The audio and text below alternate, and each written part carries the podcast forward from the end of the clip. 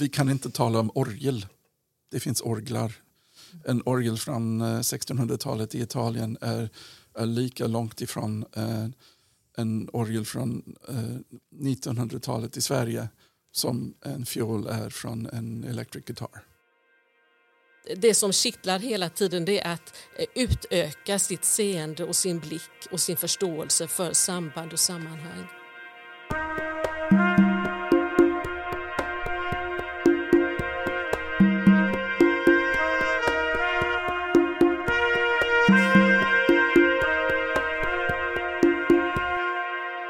Välkommen till det andra avsnittet av podcasten Educational Research in the Arts. Den här gången ska vi intervjua två forskare som håller på med konstnärlig och musikvetenskaplig forskning. Och vi är särskilt intresserade av hur de ser på de pedagogiska aspekterna av det de håller på med, av sin forskning. Välkommen Kristina Ekström och Joel Sperstra. Tackar. Tack så mycket. Min första fråga till er handlar helt enkelt om att jag skulle vilja att ni berättar om er forskning. Vem vill börja? Kristina vill säkert börja. Ja. Eh, en stor och vid fråga. Eh, jag kan säga att gemensam nämnare eller botten, det bottnar i musik i kristna fromhetstraditioner. Det är mitt absoluta fokus för för eh, forskningen. Och mera precis så handlar det dels om eh, hernhutism och ny evangelisk väckelse och då är vi på 1700 och 1800-tal. I de här eh, fromhetsrörelserna var musik en väldigt viktig del för att uttrycka sin tro och spiritualitet. Eh, musiken och musikuttrycken präglas av subjektivitet, kroppslighet, känslor till exempel. Eh, jag håller på med parallella projekt och de är i olika stadier förstås. Eh, jag ger två exempel. Så ni vet. Ett handlar om Per-Ulrik Stenhammar, alltså Wilhelm Stenhammars far. Eh, Per-Ulrik som aktör i konfessionella och konstmusikaliska miljöer. Ett annat spår är kvinnors musikbruk och musikaliska repertoar i det världsvida samfundet Evangeliska brödraförsamlingen eller Moravian Church. Eh, jag skulle kunna säga mycket där men nu senast så gjorde vi eh, tillsammans med Joel och fler musikforskare ett symposium i danska kulturarvsorten Kristiansfält här senast i maj. Och där är det eh, mycket arbete, roligt arbete som återstår. Ja, jag stannar där. Gör det. En, en följdfråga bara, mm. så att eh, alla förstår. När du pratar om fromhetsrörelser och Eh, herrnutarna tror jag att du sa. Kan du säga någonting mer eh, vad, det, vad de begreppen avser? Mm. Det, kan du förklara lite? Eh, Hernhutar och det kommer ur, eh, ifrån orten Hernhut som mm. ligger i eh, sydöstra Tyskland. Och det är alltså, mitt intresse handlar om eh, pietistiska fromhetstraditioner. Ja, det var ju inte ett lättare ord det kanske. Nej, det var det inte. Men det här, om man ser det väldigt kateg alltså, tydliga kategorier som motpoler. Alltså det handlar om kristen Eh, kristna samfund. Och eh, en, ett spår är ortodoxi, ett annat spår är pietism. Eh, det är inte alltid att det är vattendelare mellan dem men det pietistiska spåret handlar om en subjektiv troserfarenhet och att uttrycka den subjektiviteten ofta i eh, emotioner och känslor. Mm. Tack. Och det är just var vår eh, forskningsområden överlappar så mycket. För jag har fastnat för klavikordet en tidig klaverinstrument som var Johann Sebastian Bachs favoritinstrument men var också en favoritklaverinstrument i Herrenhut-traditionen. För det är den enda instrument med eh, klaver innan pianot som kan spela dynamiskt. Det funkar lite grann som att man ja, ibland säger att eh, det, man kan tänka sig att man spelar eh, gitarr enbart med vänsterhanden.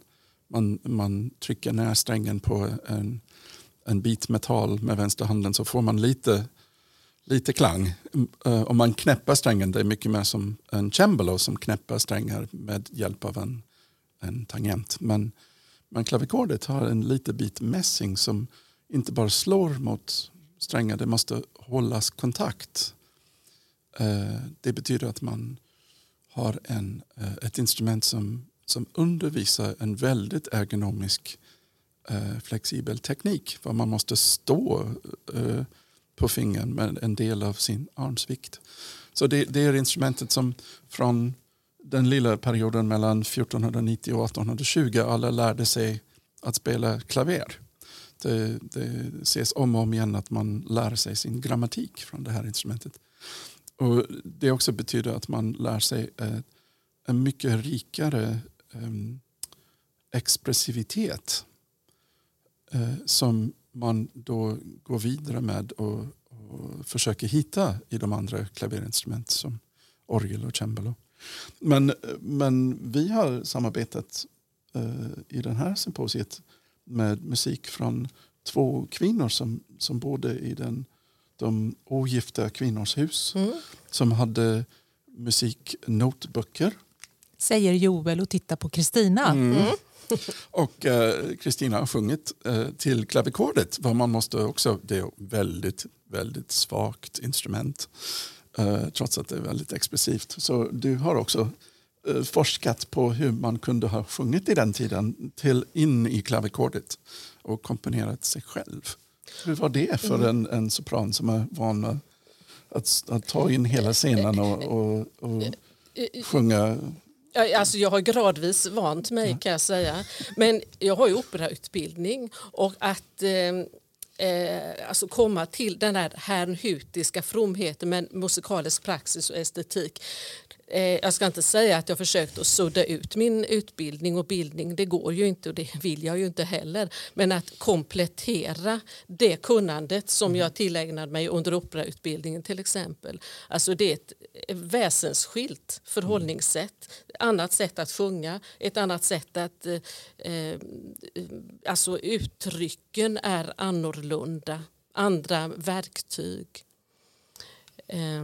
Och vi fick... Uh vi fick spela de här eh, eh exempel från notböckerna i ett, kanske det finaste rum för musik som jag någonsin varit i.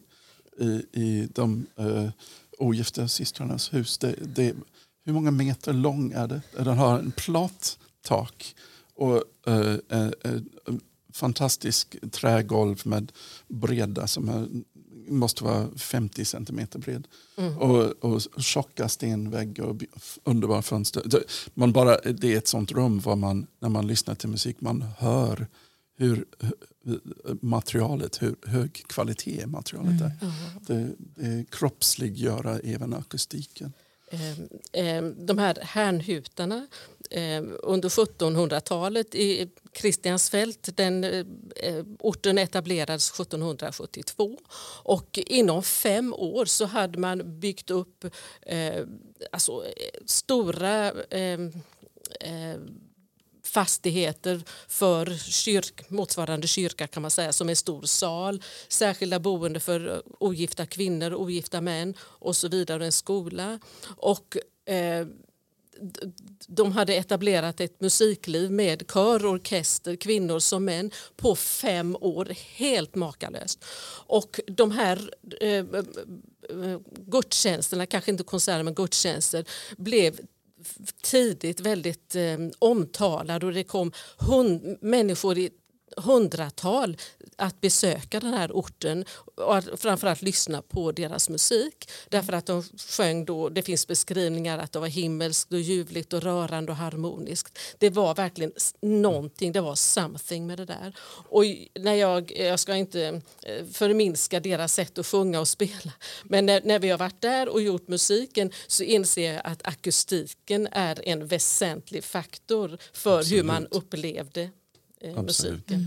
Det, det, är uh, någonting som, som verkligen saknas i, i modern musiklivet tycker jag. Att vi, vi har inte de rum som man kommer in och man bara vill höra hur rummet låter. Uh, uh, för det, ett rum som är så vackert som, som musiken själv.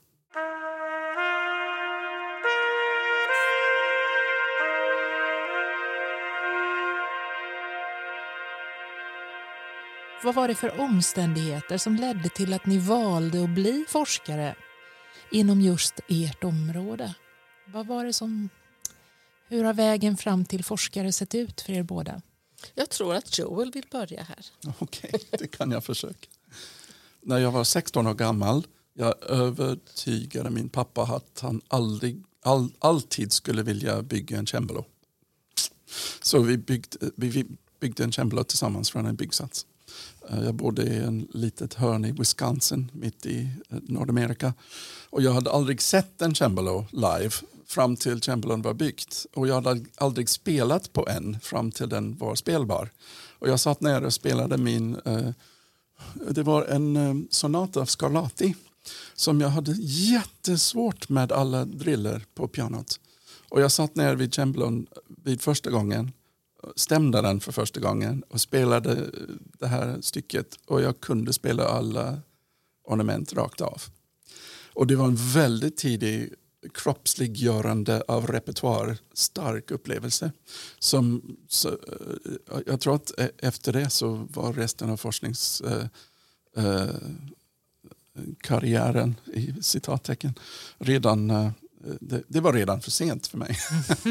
så jag kom till Oberlin som är en musikskola eh, i Ohio. Ett, eh, en college um, som, som har både en conservatory och college. Och um, fick en uppdrag på, på uh, min engelska lärare att, att göra en forskningsprojekt. Och jag hittade uh, ett instrument som hette checker eh, eh, Ehm, medeltids och renässansinstrument som var överallt i Europa och vi visste inte vad det var. Och jag forskade glatt om det ett tag och kom fram till att de flesta trodde att det var klavikord. Och sen, jag hade slumpmässigt läst alla dessa texter som sa att man måste, man måste spela klavikord för att bygga sin teknik. Och jag tittade runt på den främsta eh, tidig musikkonservatoriet eh, i hela Nordamerika. Och vi hade massor av cembali men inte en enda klavikord i den tiden. Det här är 80-talet.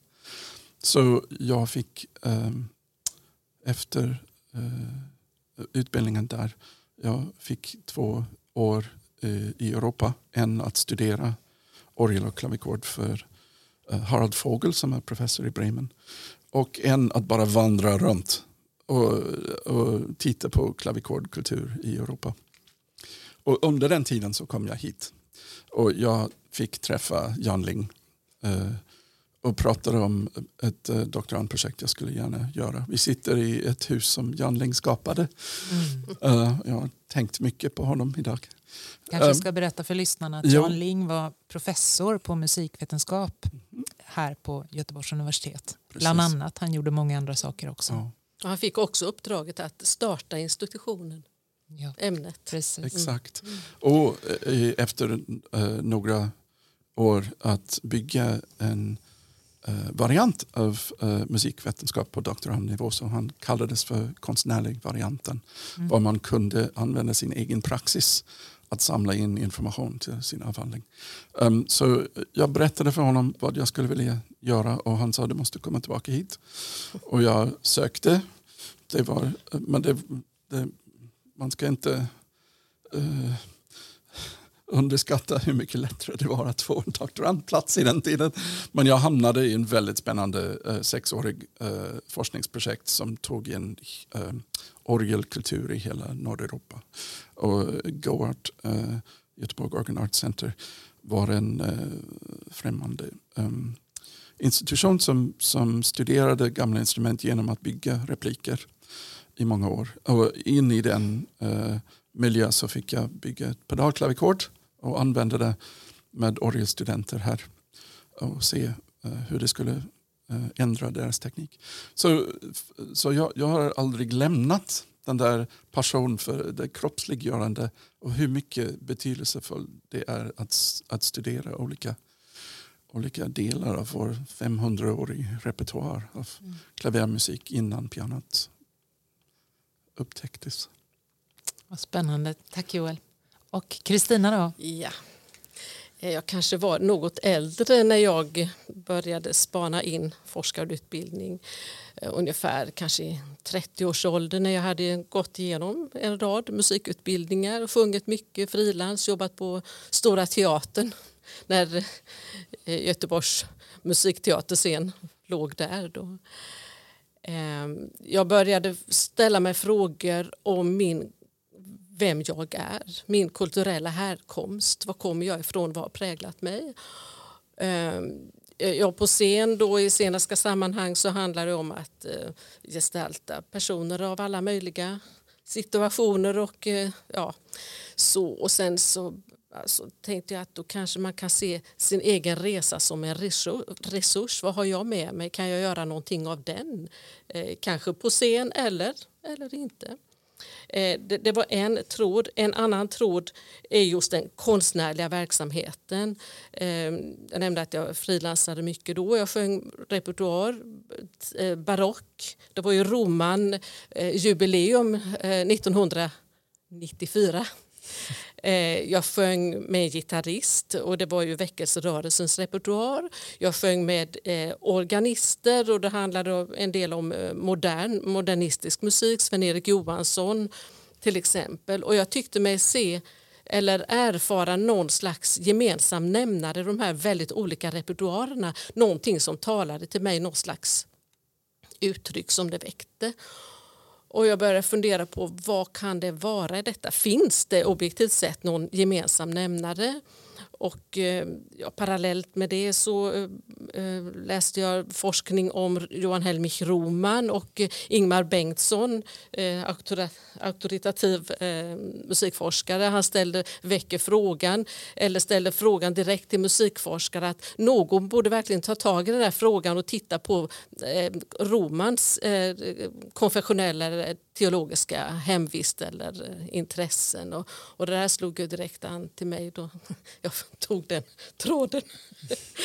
Eh, men men det, var, det var flera frågor. Men det, dels min, vem är jag, var kommer jag ifrån? Och eh, det finns ju, jag behöver inte bli helt personlig här, men, men det finns saker i mitt ursprung kulturella härkomst som gör mig nyfiken också på den här väckelserörelsens historia. Och så såg jag att eh, just väckelserörelsen 1800-tal, ja, ja det finns en hel del beforskat och så. Och flera, nej, jag behöver inte nämna forskarna här, men ehm, eh, flera nämner att ja, det här tar sitt avstamp i hernhutisk fromhet. Men då började jag fundera på jaha, men vad är hernhutisk fromhet? Kan man titta på hernhutarna? Och eh, då insåg jag ju relativt snabbt, snabbt att det finns en ocean av spännande historia och en ocean av opublicerade manuskript från 1700-talet. Yes! Eh, eh, och ytterligare en ingrediens, det är ju inte bara en orsak som gör att man kommer, att man tar sig framåt här i världen. En ytterligare eh, input det var just det här starten med konstnärligt kreativ forskning på Göteborgs universitet. Någon pilotstudent där. Eh, och jag läste och blev in, införstådd i, med vad det eh, kunde innebära. Och eh, då var jag väl i 30-årsåldern, ish. Eh, och jag tänkte att det där, det vill jag göra. Och Tio år senare var jag doktorand i musikvetenskap, konstnärligt kreativ inriktning. Det var tur att det var, var tur. det. Vad fint.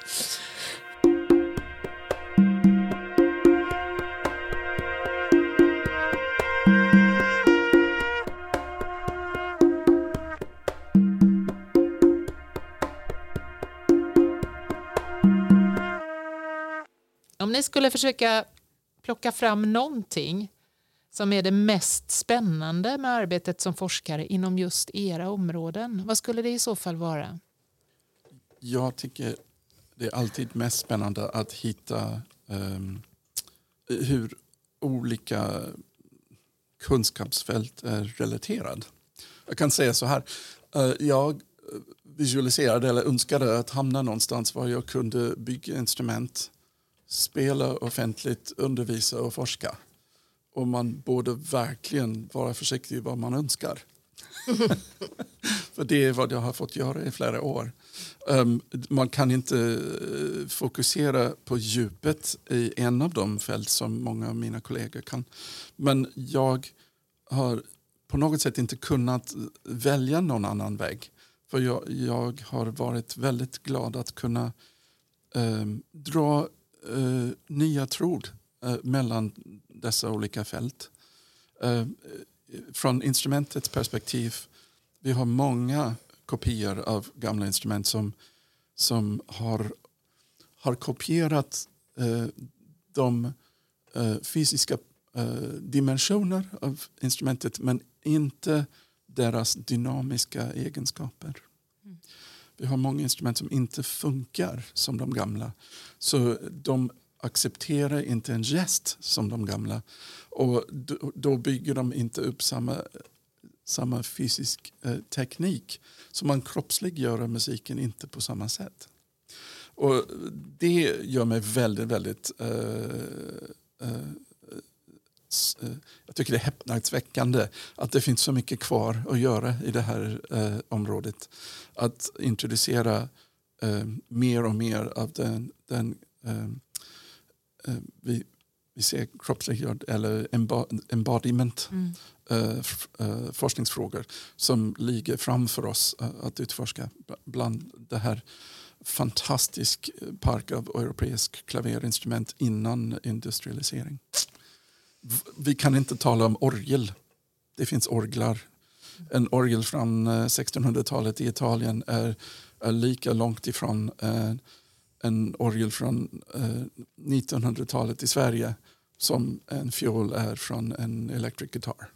Så man, man, så det, det, det, man får dyka in i olika ekologiska eh, miljöer hela tiden och har både instrument och repertoaren som ledtråd. Ja, häftigt. Kristina? Mm. Lite grann som du öppnade att eh, Eh, möjligheten att eh, till liksom en vidgad blick att identifiera samband och sammanhang. Ehm, jag tänker på den ideologiska, teologiska utgångspunkten är ju given för mig. Men jag kan se det som är och har varit spännande det är att se vilken bäring den har på det musikaliska uttrycket, på artefakten eh, noter, artefakten instrument, eh, arkitektur som i Kristiansfeldts eh, fall. Då. Alltså att eh, få en eh, det som kittlar hela tiden det är att eh, utöka sitt seende och sin blick och sin förståelse för samband och sammanhang.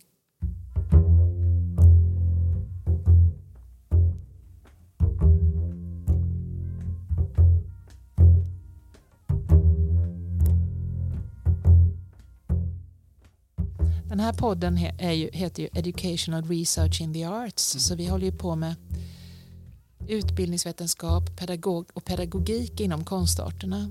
Kan ni se några kopplingar i det ni gör, pedagogiska aspekter helt enkelt, i er forskning? Det är inte så svårt att se, tänker Nej. jag. Det, det, är vilka glasögon man väljer att ta på sig. Men i den här eh, konfessionella hernhutiska världen så är pedagogiska frågor väldigt eh, relevanta. Man kan se det som ett lärande i, i vid bemärkelse, alltså i den, hela den här religiösa kontexten. Man kan också titta på lärande inom den här lilla gruppen, eh, den var inte så liten, eh, det var 200 personer, kvinnor i Kristiansfält. Det var ett systematiskt lärande av såväl musik som, den, eh, som fromheten. Och det fanns ju, jag har tittat på styrdokument och vad man förväntades göra och sen tittat på lite grann vad man verkligen gjorde eller hur man beskriver vad man gjorde snarare. Så att det är väldigt lätt att, ehm, att eh, liksom inta ett pedagogiskt, musikpedagogiskt eller pedagogiskt eh, perspektiv på det här. Likaså kan jag koppla till Göteborg och Brödraförsamlingen här som ju var först med egentlig flickskola i landet. 1787 tror jag det var den eh, invigdes då. Den låg här på Kungsgatan nära domkyrkan. Så att det går att eh, koppla det här pedagogiska perspektivet både lokalt som man vill ta avstamp här, här och nu eh, och i ett vidare perspektiv. Har du sett någonting i din forskning om, eh, mer konkret om hur musikundervisning gick till i de här olika kontexterna? Ja, jag gjorde en liten studie inför en konferenspresentation eh, där jag identifierade eller benämnde de olika slags eh, eh aktiviteterna som eh, informellt och formellt lärande. Eh, och eh, det finns ju båda delar där och eh, det fungerade uppenbarligen väldigt väl med de här båda. Mm. Tack. Joel? Vad jag är mest intresserad just nu om är hur man kan få studenter skapa mer mening för sig själva när de spelar repertoar som är så långt ifrån deras vardagliga upplevelse. Så Kristina bor i 1700-talet och jag, jag, jag kommer nästan till 1700 ibland och vinkar. Men, men just nu är jag, är jag um, i andra hälften av 1600-talet var det finns rätt mycket musik som um, har varit en del av nya projektet. Det är böcker som är uh, tryckt um, med eh, gotor och, och, texter och bilder. Och, um, eh,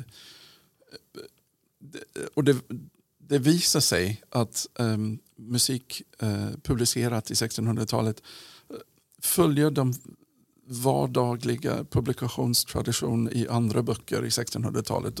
det, är, det handlar om om applicerad emblematik. De, de, är, de funkar som emblemböcker. Och det betyder att man uh, har um, man har ledtråd och gåtor att, uh, att, um, att lösa. Och det finns eh, gömda budskap om eh, eh, en hel del ehm, väldigt ehm, kraftfulla eh, arketyper. Ehm, man kan säga så här att vi har ingenting emot att titta på en Bach-låt eh, som är baserad på en, en känd eh, koral från, eh, från lutherska psalmböcker. Och, och prata eh, rätt ehm, avancerat om vilka figur eh, försöker gestalta vilka ord. Men det är för att vi har texten. Mm. I, i uh, musik kanske för för uh, klaver, för cembalo och klavikord, var man inte har en sån text. Man har uh, uh, helt, helt enkelt tänkt att det är abstrakt musik.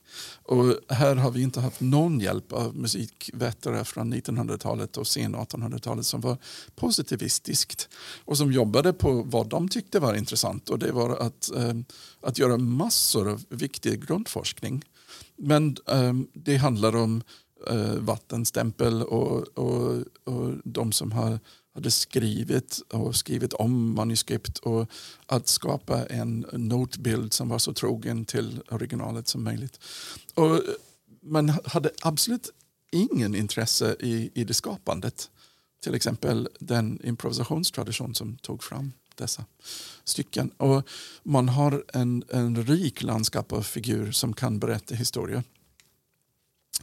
Och uh, den här um, uh, nuvarande projekt uh, påstår um, att en av lekarna som är på gång är att en musikalfabet som publicerades först i 1650 av um, Athanasius Kircher, polymath som bodde i, i Rom, um, användes att skriva uh, uh, namn i kod och använde det de, dessa eh, bitar av musik som, eh, som inspiration och skapandet till, till musik. Um, Och den här, vad man kan kalla för ars combinatoria, vad man försöker få in så många lager av mening som möjligt i ett stycke. Um, om man tar dem på, på, den, uh, på, på deras egna villkor och visar studenter hur man kan lösa upp sådana gåtor och sen har en historien att spela. Jag har sett en, en, en, en enorm möjlighet i, i interpretation. Um, ehm, vi har studenter som uh, fortfarande tycker att deras jobb är att reproducera. Att spela alla noter korrekt uh, i rätt ordning. Och eh, att, att ge dem nycklar uh, att lära mer och mer i närläsning om dessa stycken som litteratur som kommer från en viss plats och ska, ska låtas bäst på ett visst instrument som ska um, åter uh, väckas till liv med, uh, med um, en hälsosam och, och kroppsliggjord gest. Um, då, då eh, blir de annorlunda. De, de, de, de har en makt att berätta en historia. De har kanske en mask att ta på sig om de är blyga. De kan vara en uh, Zeus eller en jätte eller, uh, eller um, en av de nya gudinnor på, på scen och, och uppleva den kraft som kommer till en skådespelare när de har lärt sig sina repliker och tar på sig kostym för första gången och går ut på scen och behöver inte vara sig själva. Mm. Jag tror att det absolut viktigaste för framtiden i, i vår fält är att lära studenter att inte tänka att de ska hitta deras sound men att de ska vara eh, i en långtidsrelation till den här fantastiska litteratur och, och se det som en, en livslång eh, eh, nöje att, att se fler och fler lager av, av mening och komma närmare och, och närmare den eh, um, verkligen gudomlig upplevelse det är att, att spela den här musiken.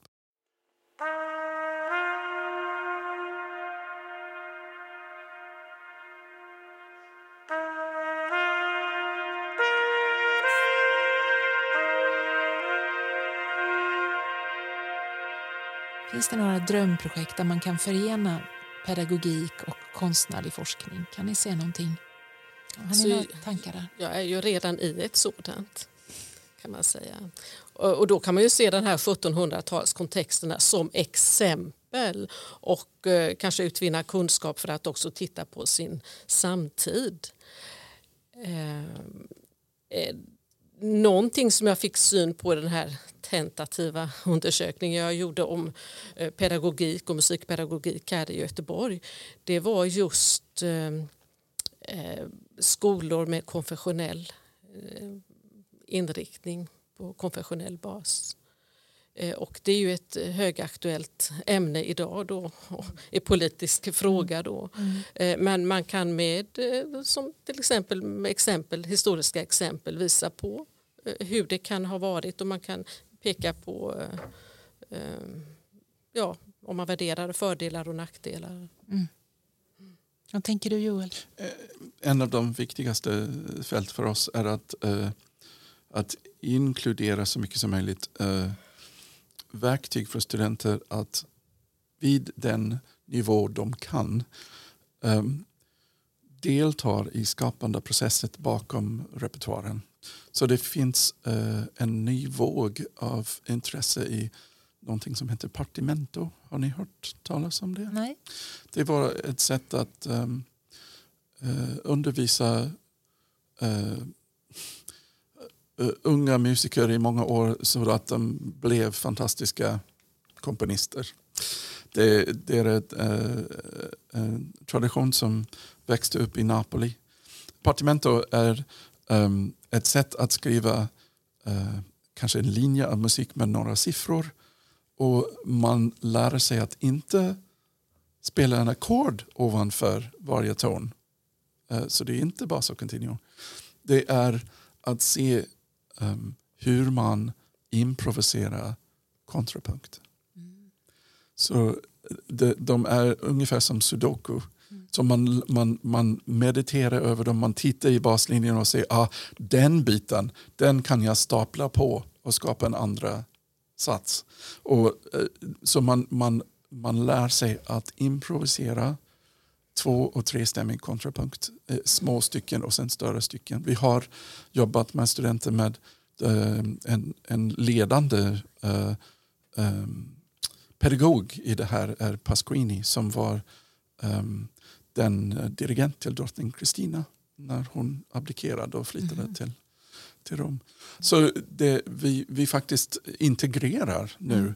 det här sättet att, att, uh, att ta tag i den skapande processen. Och, och, så min forskningsprojekt just nu är också att lyfta locket och titta på andra skapande processer. Mm. Och när man um, kanske dekonstruerar ett stycke och ser med departement och regler hur uh, lätt det är egentligen att bygga upp en fuga med sex stämmor. Så, så när man spelar den, jag har sett om och om igen studenter som, som kämpar med att, att, att uh, spela noterna i rätt riktning när de får verktyg att förstå hur den var skapad. Så de också får makten över sin egen eh, konstnärlig process. Och då de känner sig delaktiga så att de får makten att berätta något från sig själva på ett helt annat sätt.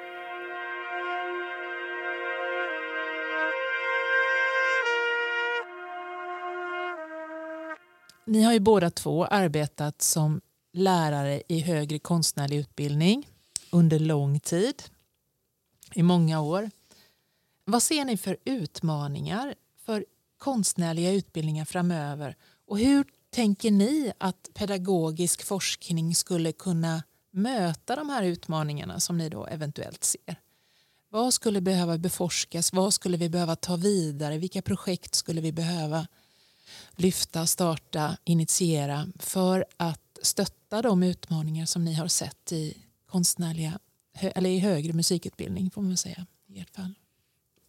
Alltså undervisningen går ju till lite på olika sätt beroende på mm. vilken pedagogen är.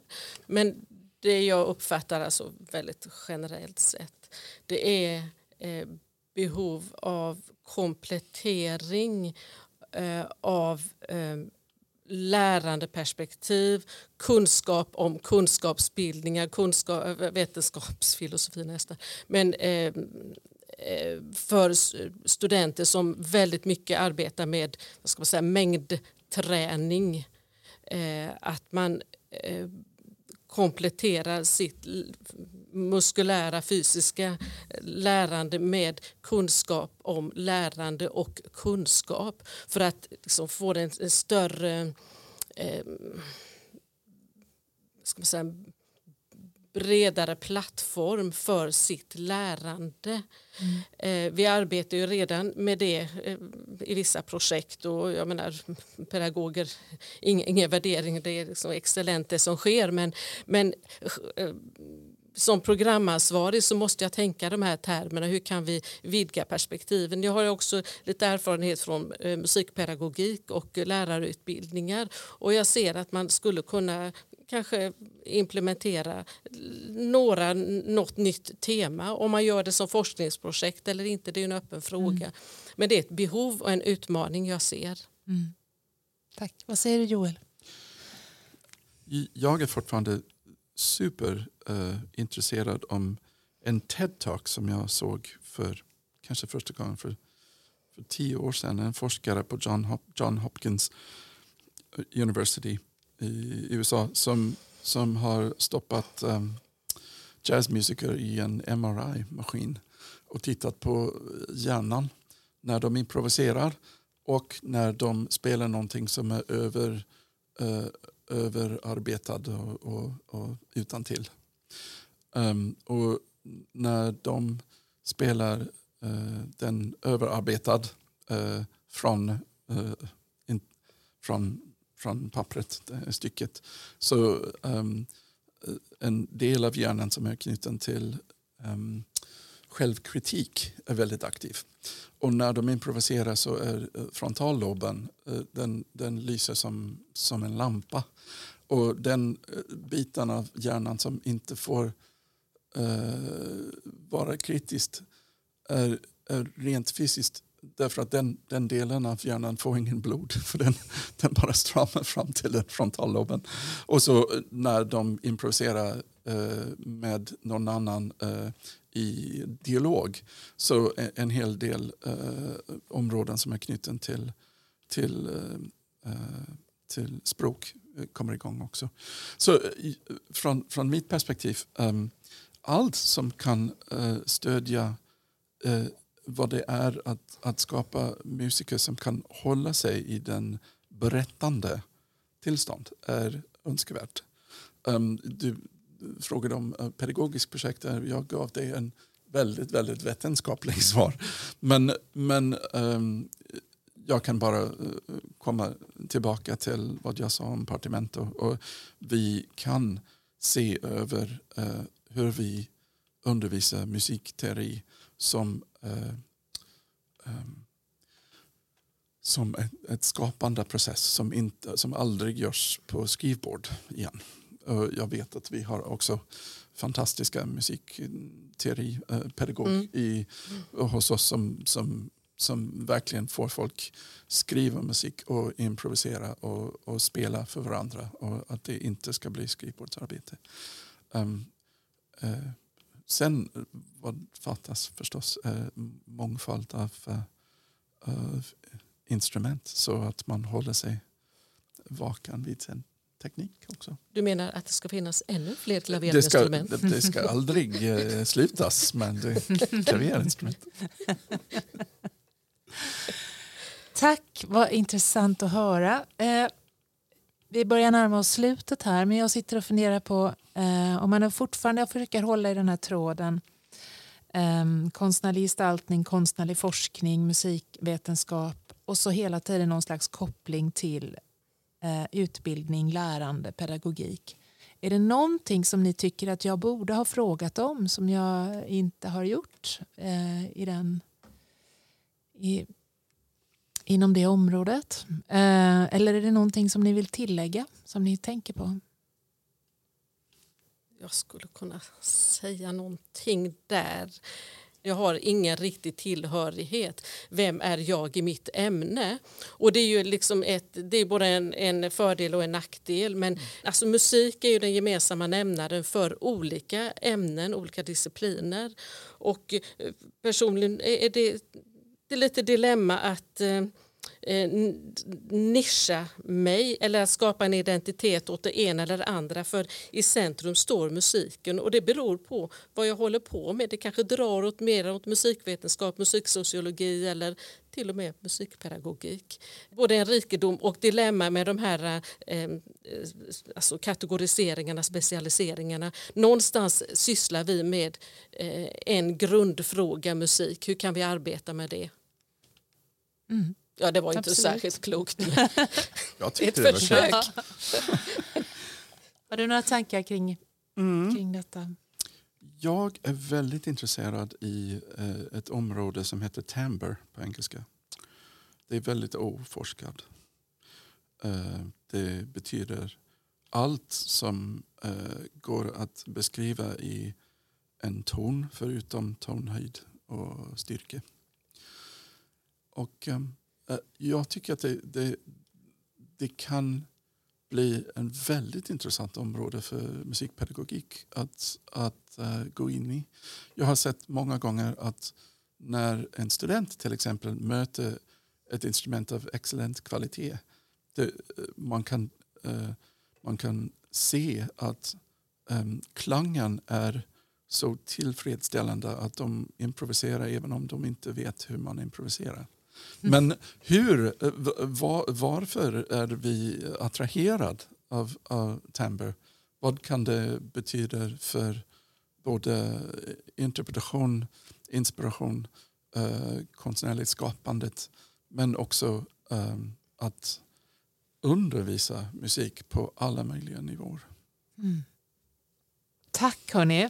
Innan vi slutar så är jag väldigt nyfiken på vad, vad gör ni när ni får en stund över? Vad gör du Joel när du inte ägnar dig åt dina klavikord eller när du inte gräver ner dig Kristina i dina fromhetsrörelser? Jag förstår inte frågan. En stund över, det händer inte. Ja, jag måste ge samma svar. Jag har så många hobbies eh, redan att det, det finns inte så mycket tid över.